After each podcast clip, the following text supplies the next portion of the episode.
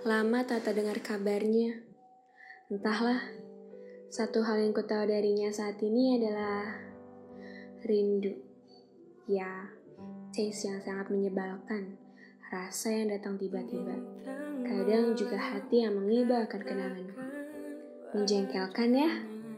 Sayangnya aku tahu, tiada yang tiba-tiba dan kebetulan di dunia ini. Kesemuanya ada dalam skenario pemilik semesta.